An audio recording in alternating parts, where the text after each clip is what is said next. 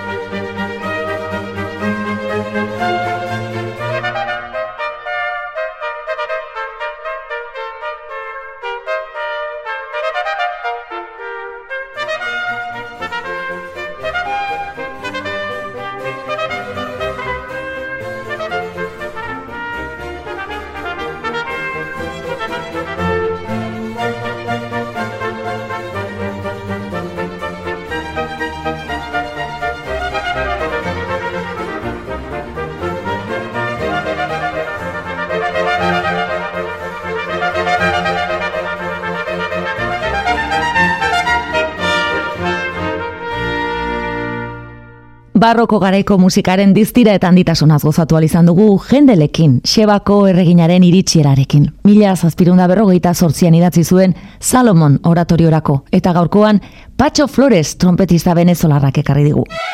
Klasikoak eiteben.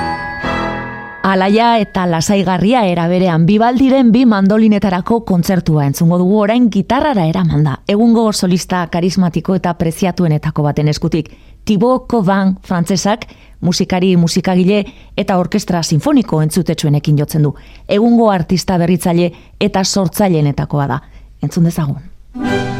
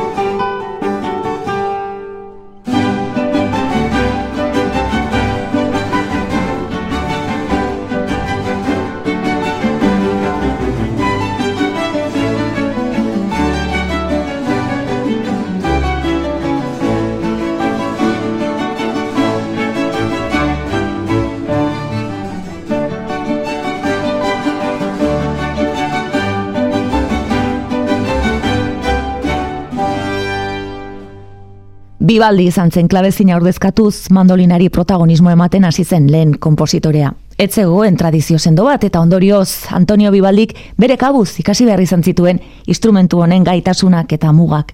Sol maiorreko bi mandolinentzako kontzertutik hirugarren mugimendua entzun dugu. Tibo Kovan gaztearen eskutik. Julian Mazmondek zuzendu duen Pariseko Ganbera Orkestrarekin batera aritu da. Klasikoak EITB-en. Barrokoti gure garaira jauzi eginez, Javier Busto ondarri bitarraren musika hartuko dugu.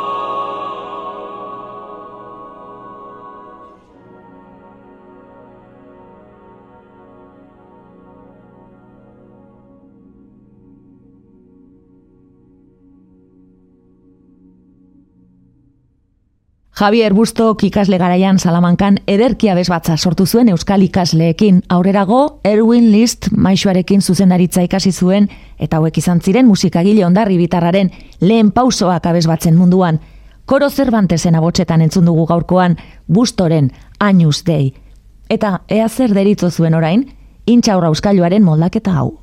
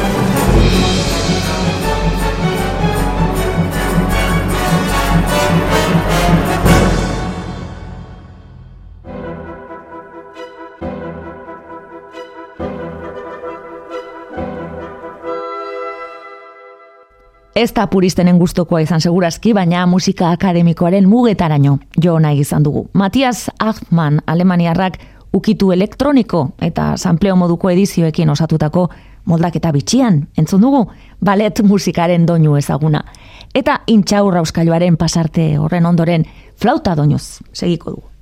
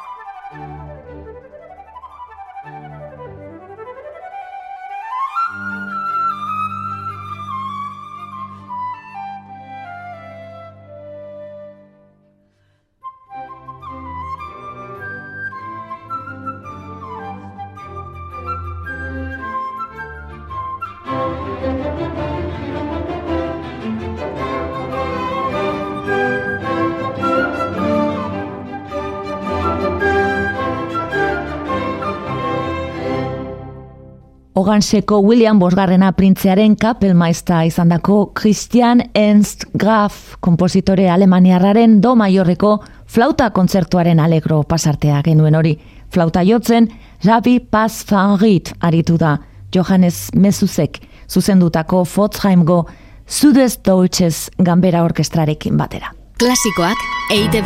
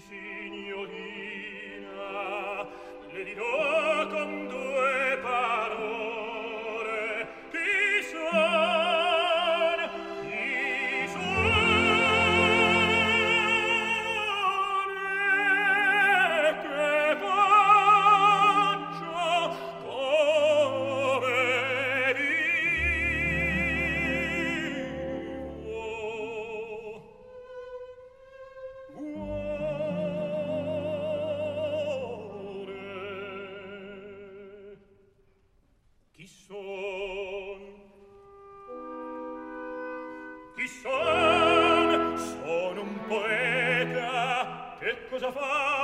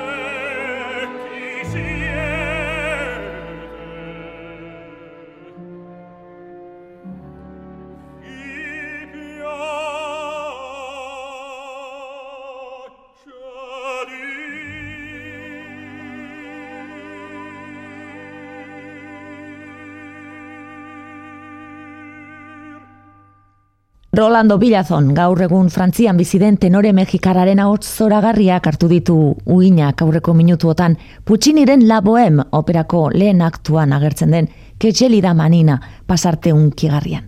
Eta hogei garren mendeko musika orain. Reinhold Glige, errusiarraren morzo bederatzi garren opuseko tarantela eskeniko digu kontrabasuan Viz de Buff Alemaniarrak.